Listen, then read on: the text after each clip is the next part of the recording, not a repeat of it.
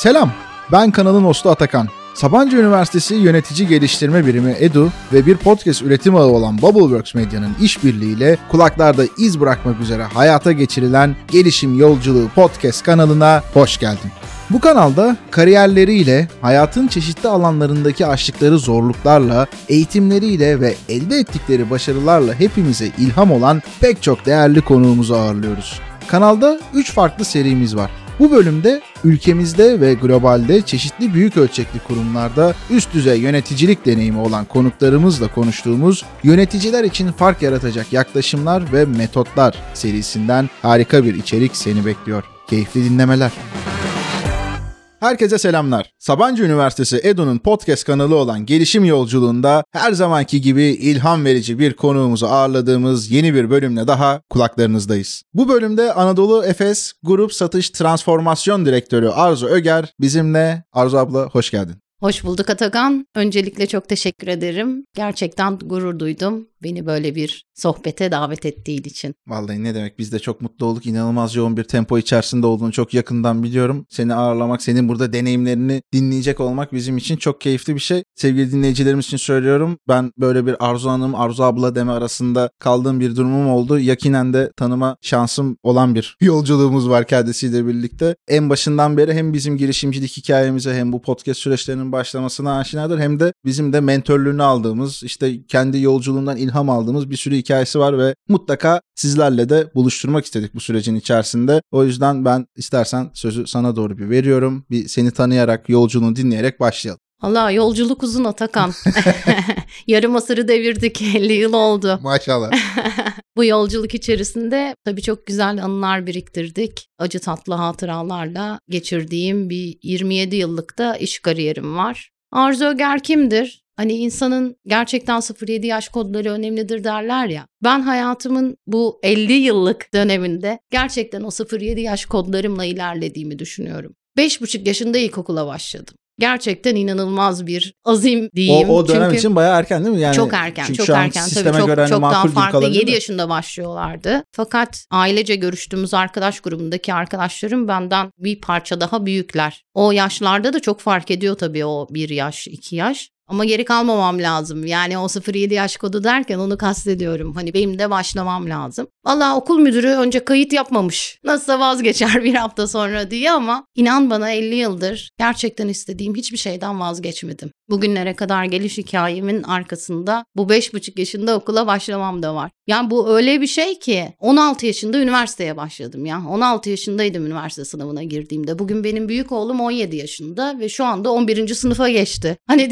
diyaloglarımızın gerçekten bir bölümü ya ben senin yaşındayken diye ilerliyor. Demem o ki gerçekten hep hayata koşturarak koş arzu koş. Hep hayatım bu şekilde geçti ama hiçbir zaman da pişmanlık duymadım. Gerçekten istemek başarmanın yarısı. Sonrasında üniversite yıllarım ODTÜ'ye girdim 16 yaşında. Aktif bir spor hayatım oldu. Üniversitede de basketbol takımında oynadım. Artık şey diyorum, üniversiteden mezun olurken diplomamı ODTÜ'nün muhtarlığından aldım diyorum yani.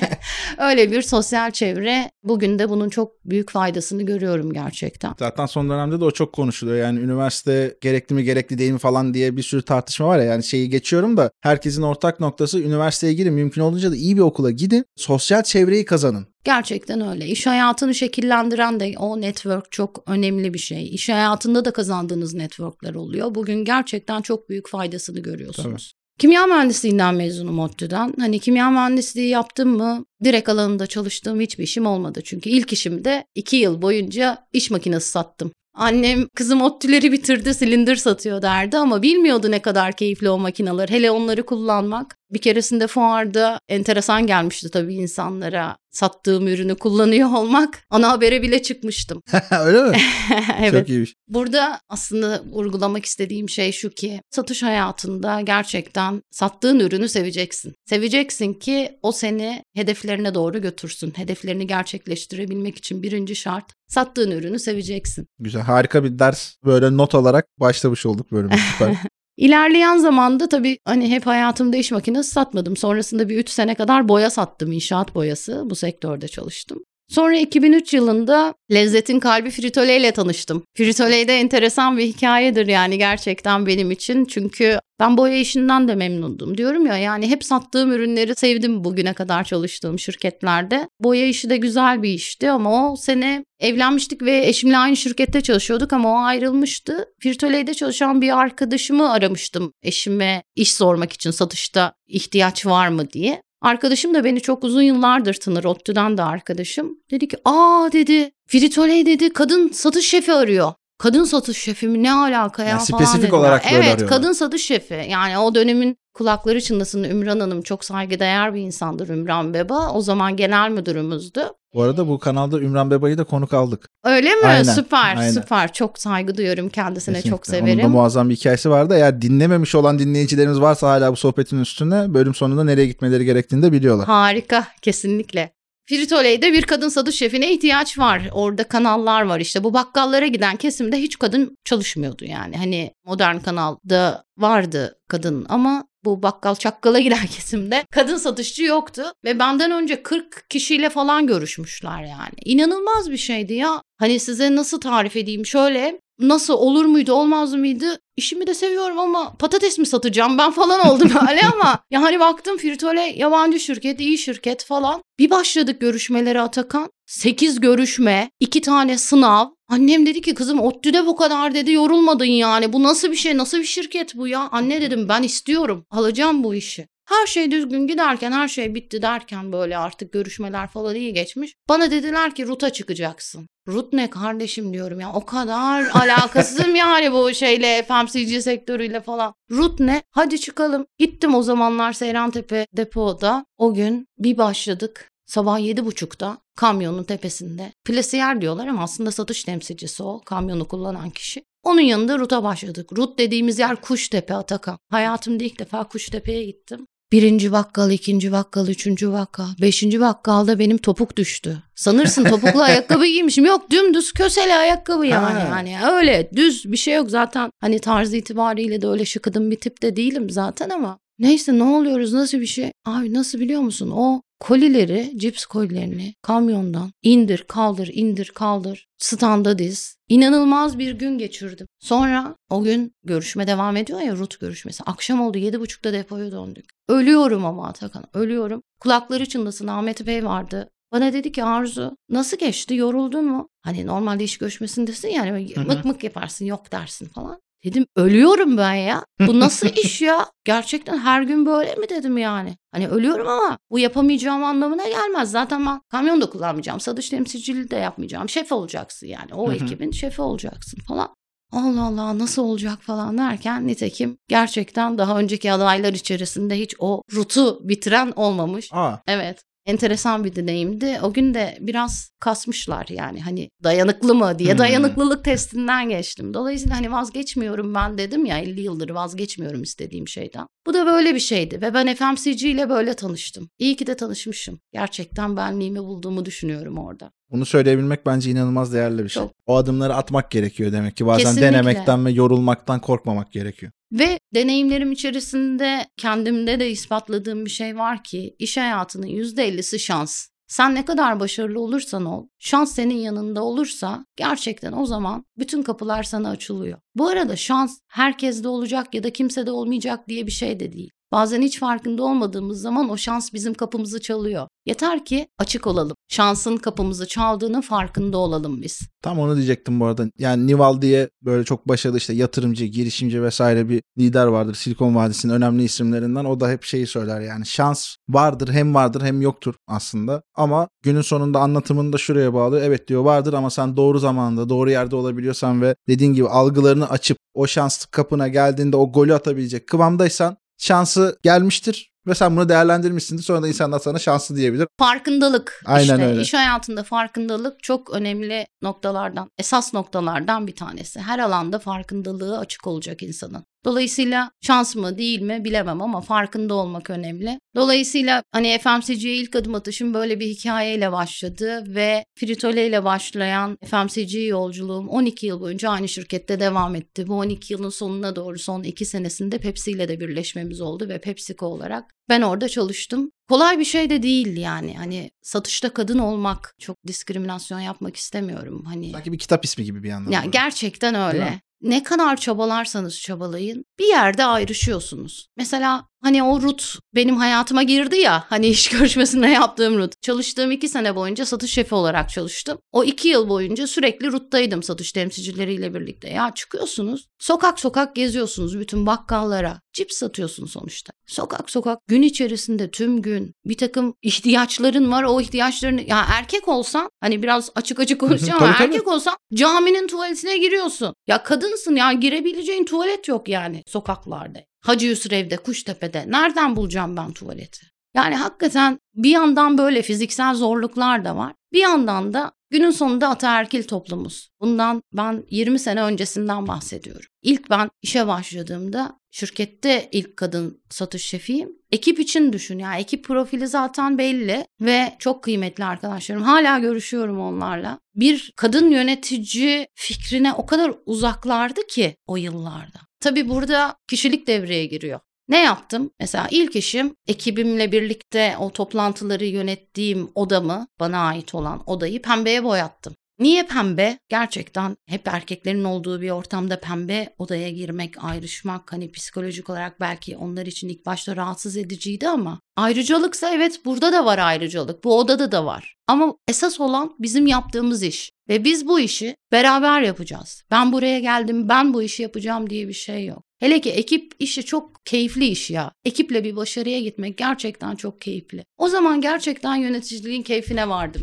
Sonrasında da birçok anı biriktirdik vallahi böyle böyle bir yolculuk işte benim FMCG yolculuğu. Anladım süper. Buradaki bu işin yöneticilik kısmıyla ilgili falan zaten bayağı güzel de bir akış oldu. Şimdi şeyi merak ediyorum. Ülkemizde satış birimlerinde üst düzey kadın yönetici oranı tahmin ediyorum ki çok da fazla değil. Yani genel oranları biliyorum. Hani oralarda da halen daha eskiye göre iyi olmakla birlikte daha kaydedilmesi gereken aşamalar var. Sen hani burada yaşadığın deneyimlerden de bahsettin işte toplumsal cinsiyet eşitliği açısından işte işin koşulları vesaire. Ama buradaki o üst düzey tarafa doğru geçişte birazcık daha açabilecek olduğun noktalar var mı? Çünkü hani bir şeflikten şu an işte geçmişte bir direktörlük deneyimi var Anadolu Efes içerisinde işte şu an bulunduğun yerde oradan holding tarafında böyle çok da kolay olmayan ve aslında bizim dinleyicilerimiz içerisinde de pek çok kişi yani kadınlar için diyeceğim ama aynı şekilde bütün dinleyicilerimiz için geçerli olan bir durum var. O yükseliş patikasını belki bir akılda oluşturmak faydalı olabilir. Aslında burada organizasyonları ve organizasyonların iş yapış şekillerini bilmek, tanımak çok önemli Atakan. Yani ben üniversitedeyken satışçı dediğin şey atıyorum eline çantayı alıp kapı kapı dolaşmaktı. Ama satış öyle bir şey değil. Satış içerisinde hedef barındırıyor, dinamizm barındırıyor, heyecan barındırıyor, hırs barındırıyor ve arkasında biraz önce ekipten bahsettim ya. Aslında o ön cephedeki olay değil sadece satış. Satışın arkasında birçok satış destek birimi var satış destek fonksiyonu var. O fonksiyonların yaptıkları işler olmasa o nihai sonuca gidecek satış işlemini gerçekleştirecek arkadaşıma o ekipmanlar verilmese o sonuca ulaşılmaz. Dolayısıyla satış dediğimiz şey illa ön cephede olmak demek değil. Ben ön cephede olduğum yıllar oldu ve bunun çok büyük keyfine vardım ama neden kadın üst düzey satışta görmüyoruz diyoruz. Hakikaten fiziksel şartlar bunu biraz zorluyor.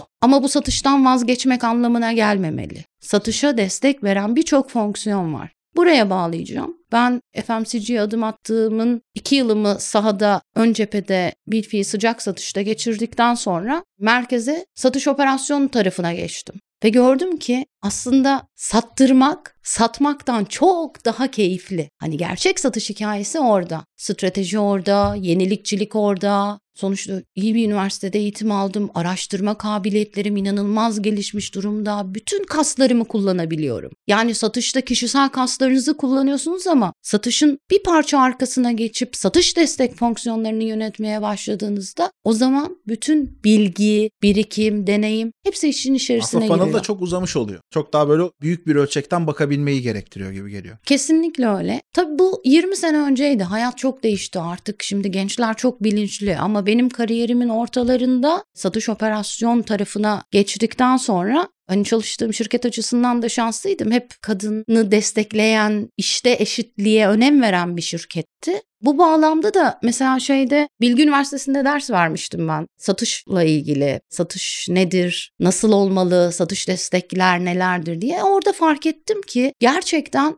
operasyonun içine girmediği sürece öğrenciler satışı benim o ilk üniversite yıllarında bildiğim satış gibi biliyor. Dolayısıyla biraz tanımak lazım. İnsanlar satış alanına yöneliyorlarsa bu tercihlerini kişiliğine uygun bulduğu satış tarafında kullanacaksa biraz daha araştırmacı olmalılar. Çünkü işte bu kariyer yolculuğu aslında sadece ön cephe satış değil, benim biraz daha satışa destek fonksiyonlarda devam etti. İşte satış operasyondu, satışta dijital dönüşümün yöneticiliğiydi. Şu anki title'ımın müdür tarafını satış transformasyon müdürü olarak PepsiCo'da almıştım mesela. Çünkü çok kritik bir süreçti. Pepsi ile Frito-Lay'in birleşme süreci. Tamam FMCG ama FMCG içerisinde birisi atıştırmalık, birisi gazlı içecek. Hani sadece gazlı içecek demeyelim, beverages diye geçen taraf. Dolayısıyla bu ikisi çok yakın reyonlardalardır aslında biz tüketici olarak markete ama girdiğimizde ama üründür neticede. arka tarafta o satışı gerçekleştirene kadar olan süreç, lojistik süreçlerine falan baktığınızda bambaşka süreçler.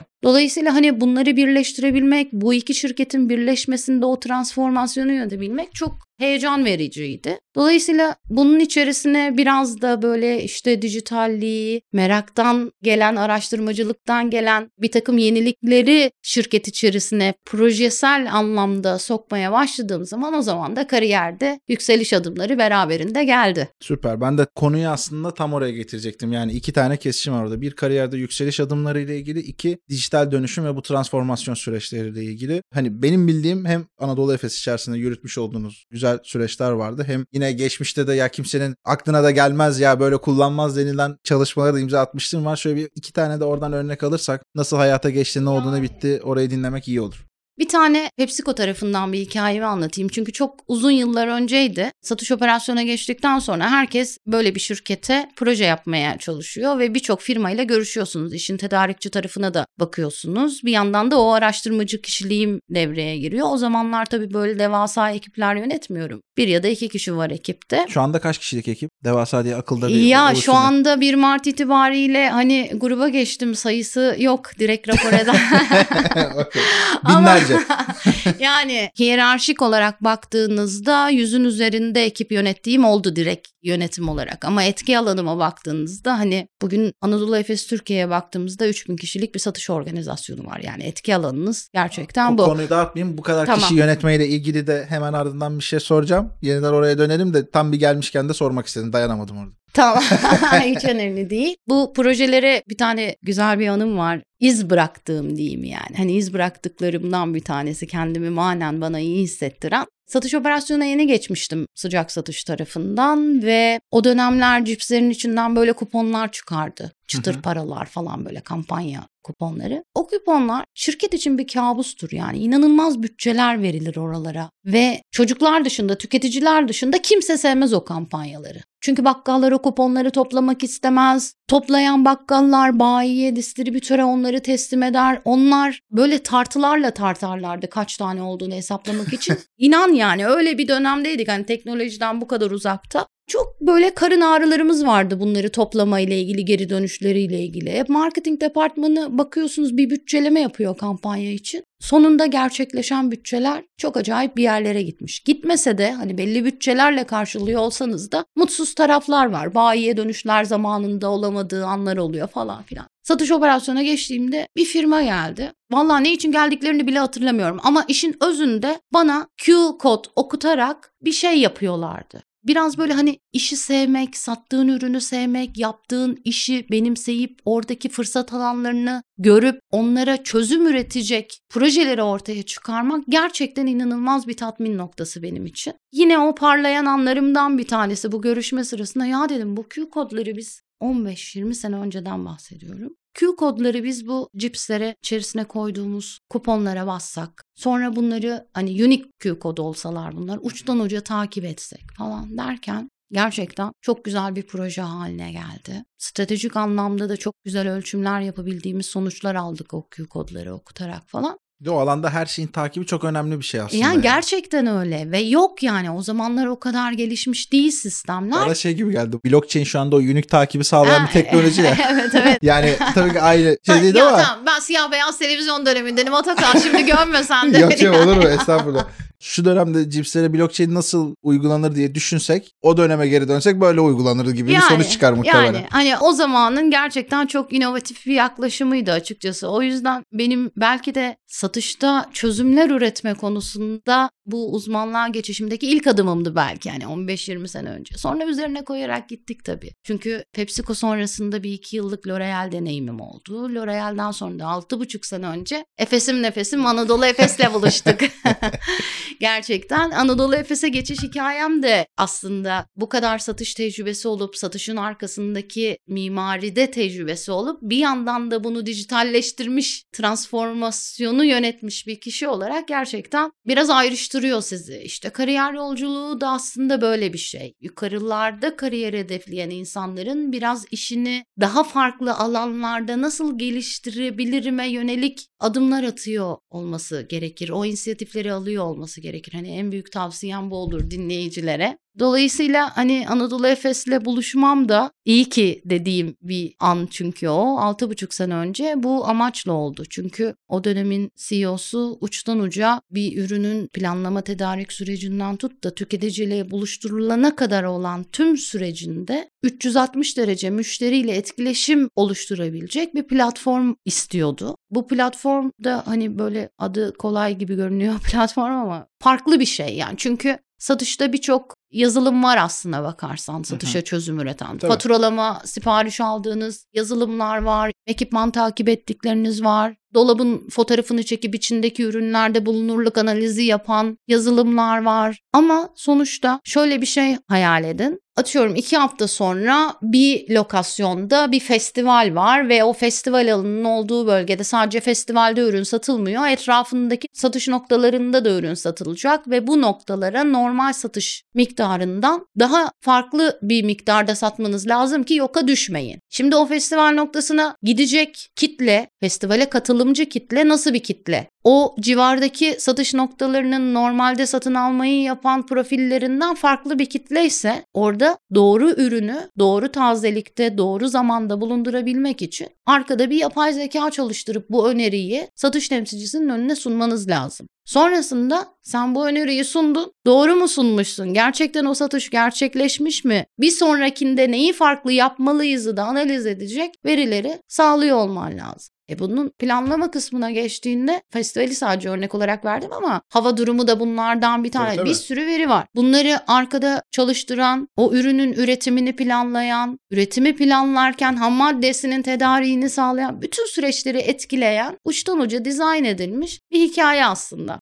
Dolayısıyla bu hikayeyi dizayn edebilir miyizle başlayan bir yolculuktu bu. Bugün bulunduğum pozisyonda da tam da bu uçtan uca dizayn edilmiş projenin lideri olarak görev yapıyorum Anadolu Efes'te. Harika. Yani bence şu çok değerli bir şey. Birisine işte bir fırsat geliyor sana bir şeyler anlatılıyor ama sen aklında zaten bir şeyleri öyle kanalize olmuş, odaklanmış ve hani bunu nasıl çıkarsam diye öyle bir arıyorsun ki etrafında bunu. Gelen bir şeyi sana bambaşka bir konuyla ilgili anlatılıyor olsa dahi ben bunu burada da şu şekilde kullanabilir miyim? Bence sorgulamak inanılmaz önemli bir şey. Yani bunu bir sürü konuğumuzdan da dinliyoruz. Biz kendi girişimcilik kariyerimizde de yaşıyoruz. Genelde de çoğu duyduğum başarı hikayesinde hep şey var. Ya bu burada böyle kullanılır mı ya? Denilen şeylerin içerisinde kullanılmış olmuş. Sadece o anlık o dönüşümü, o uydurmayı yapabilmiş olan bir yapı var ama ha deyince de işte akla gelmiyor. Yani hani anlatmak kolay. Şimdi bilmiyorum kaçıncı dakikadayız ama ortalama yarım saat civarı bir şey olmuştur. Yarım saatte konuşuyoruz ama sen burada yılların deneyimini anlatıyorsun. Yani böyle de bir gerçekliği var işte. Aslında aynen dediğin gibi ama bir yandan her zaman yaptığın iş etki alanı o gün için doğru olmayabilir. Bazen aradan yıllar geçtikten sonra bunu tekrar deniyor olman lazım. Çünkü doğru işi doğru zamanda yapabilmenin de etkileri çok organizasyonlara, işin yapılış şekline.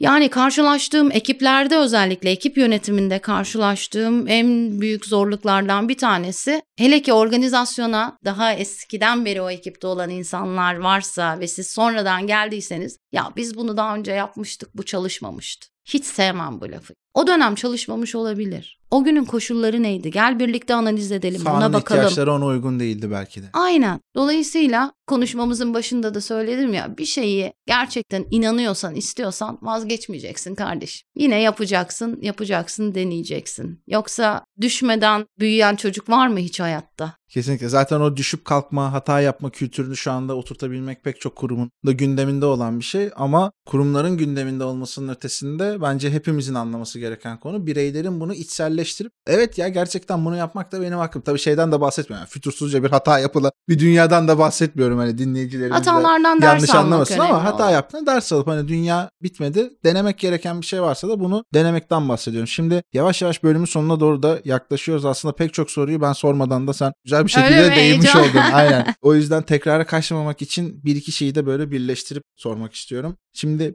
bütün bu bahsettiklerin işte şu anda bulunduğun konum geçmiştekiler vesaire bunların hepsi çok da büyük sorumluluklar demek. Çünkü olay yöneticine yani tabiri caizse hesap vermekten hani profesyonel yaşamda işte şunları şunları yaptım diye bilgilendirmenin ötesinden çıkıp ülkenin büyük ölçekli kurumlarında işte oradaki ailelerin belki boyutuna doğru giden bir bilgi verme. Sürecin sonunda şöyle oldu diye günün sonunda işte hani çeteliği çekip bakıyorsun gibi bir durumu var. Bir de orada yarattığın manevi değerler, topluma işte dokunuşlar vesaireler var. Bu sorumluluğu taşımak nasıl bir şey? Bunun zorlu olan yönleri, keyifli olan yönleri nedir? Bunu nasıl tasvir edebiliriz?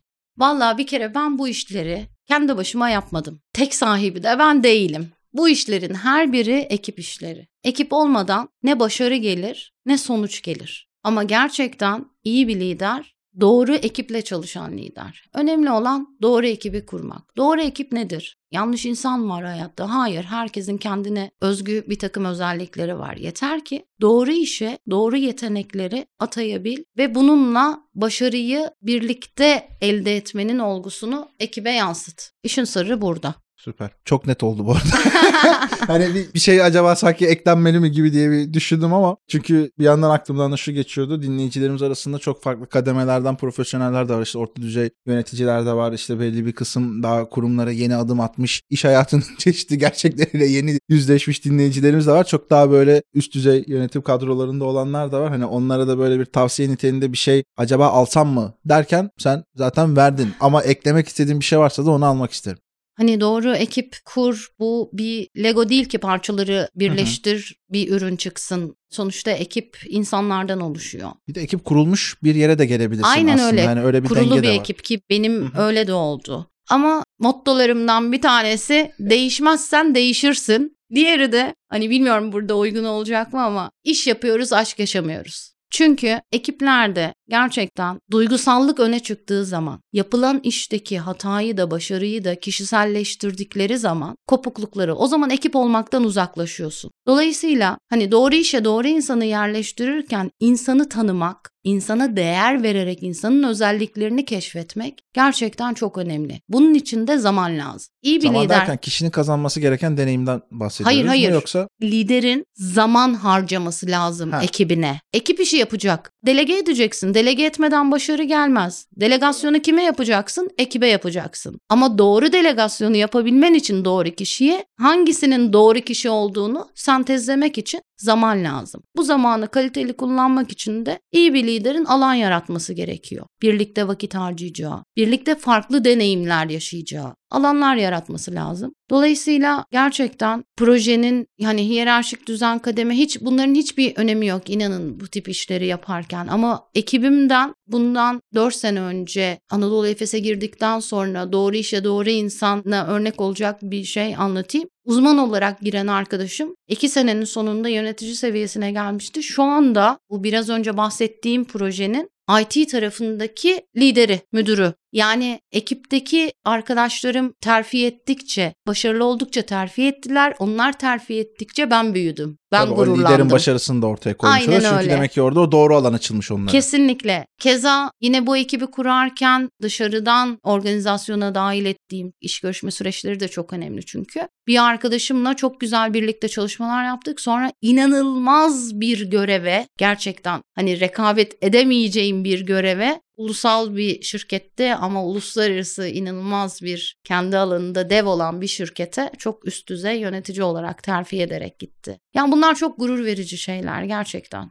Ekiple birlikte büyüdük diyebilirim. Tabii ki yani bu dinleyicilerimiz arasında öyle kişiler olduğunu düşünmüyorum ama hani hep anlatılırdı ya böyle eskiden özellikle ben mesela duyuyordum. Yönetici işte ekibindeki herkese her işi öğretmemeli bazı şeyler böyle sende kalmalı falan hani iki gün sonra seni ezip geçmesinler vesaire diye. Aslında şu anki dinamiklerde tamamen alan açmanın birlikte vakit geçirmenin belki de seni de bir noktada geçmeye aday olmasını teşvik etmek gereken Kesinlikle. bir ortam Ekipten var. Ekipten öğrenirsen yani büyürsün. Aynen öyle. Süper. Aslında şöyle bir şey var. Kendimize de bir sürü not aldık bu bölümde sayende. Yine teşekkür ederiz. Yani en çok duyduğum kelime sanırım bu bölüm içerisinde ekip oldu. İşte dijitalleşme oldu. Yeniliğe açık olmak oldu. Bunların hepsinden de şunu çıkartıyorum. Bu iş yalnızca böyle teknik açıdan kendini geliştirmek, işte çok hırslı olmak, çok çalışkan ve dinamik olmak. Bunlar zaten cepte olmazsa olmaz noktasında. Ama bunun ötesinde de insan ve insanı anlayabilme, empati kurabilme ile ilgili de bir kabiliyet gerektiriyormuş gibi geliyor bana. Yani en azından tüm anlattıklarından ben bunu çıkardım. Lütfen sen beni doğrula veya yanlışta bölümün de sonuna doğru da gelmiş durumdayız. Senden bir içerik tavsiyesi, bir podcast olabilir. Buradan başlayayım bir podcast olduğun için bir dizi, film, kitap, öneri yani fark etmez. Senin için iz bırakmış olan şeyler varsa dinleyicilerimize son tavsiyeler Geçenlerde bir kitap okumuştum. Amerikalı bir gazetecinin Charles Duhigg'ti. Alışkanlıkların Gücü diye bir kitap. Tamamen günlük hayatta basitçe yaşadığımız rutinler üzerine bu rutinlerle gelen alışkanlıkları hayatımızda nasıl kullandığımız ve bizim kararlarımızı nasıl etkilediğine yönelik hikayeler içeren bir kitap. Onu tavsiye ederim çünkü gerçekten bazen belki de büyük bir adım atmak için bazı alışkanlıklardan vazgeçmek gerekiyor. Etkiledi beni bu kitap o yüzden onu tavsiye ederim. Bir de gerçekten benim için çok nostaljik bir dizi var. Siz hatırlamazsınız tabii onu ama 80'li yılların ünlü basketbol dizisi Beyaz Gölge. Orada da beyaz bir koçun çeşitlilik çünkü hani ekibe değindim konuşmam içerisinde. Ekipte çeşit çeşit insanları aynı hedefe koşturma yolunda verilen özveri, alınan inisiyatifler, hırs, yaratıcılık, bütünleşme, dahil edicilik, farkındalık hani bugün bu konuşmamızda bahsettiğimiz birçok içeriği içerisinde barındıran çok eski bir dizi. Yani bulabilirler mi bilmiyorum ama en azından bir özeti bir yerlerde vardır diye düşünüyorum. İsteyen bulur diye de bu Bizler senin artık onunla, söyleminden. onunla baskete başladık. Basketbolu sevdik. O zamanlar basketbol diye bakıyorduk olaya ama hani bugün geldiğim noktada kariyerimde dönüp baktığımda aslında o dizi çok şey öğretmiş bize. Eminim benim gibi düşünen de birçok çok akranım vardır. Ne güzel. Bence yine biraz bakmakla ve görmekle alakalı. Yani orada anlatıdan var ama onun arkasında da bir şeyler de var. Bence onu anlayabilme kabiliyetiyle de ilgili. Ben çok teşekkür ediyorum sana burada vakit ayırdığın için, tüm bu paylaşımların için bence inanılmaz değerli oldu. Bu seri içerisindeki tüm konuklarımızda gerçekten en büyük şansımız diyorum buna her zaman. Böyle doğrudan birinci ağızdan ve o sohbetin içerisinde olabilmek bir podcaster olarak. Yine sizlerin sayesinde bu güzel bilgileri de sevgili dinleyicilerimizle ve Sabancı Üniversitesi EDU'nun da buradaki yine sonsuz destekleriyle, işbirliğiyle buluşturmaktan yana çok büyük mutluluk duyuyoruz. Ağzına sağlık, çok teşekkür ederiz. Ben teşekkür ederim. Umarım dinleyenler de keyif alırlar. Benim için çok büyük bir zevkti. Kendimi iyi hissetmemi sağladınız. Çok teşekkürler. Hep beraber karşılıklı yine aynı şekilde. Evet sevgili dinleyicilerimiz bir bölümün daha sonuna geldik. Dileriz ki yine sizler için ilham verici ve hem hayattaki hem kariyerinizdeki yolculuğunuzda sizlerin yanında olan bir içerik sunmayı başarabilmişizdir. Bir sonraki bölümde yeniden buluşuncaya dek sağlıkla, merakla ve yenilikle kalın. Görüşmek üzere.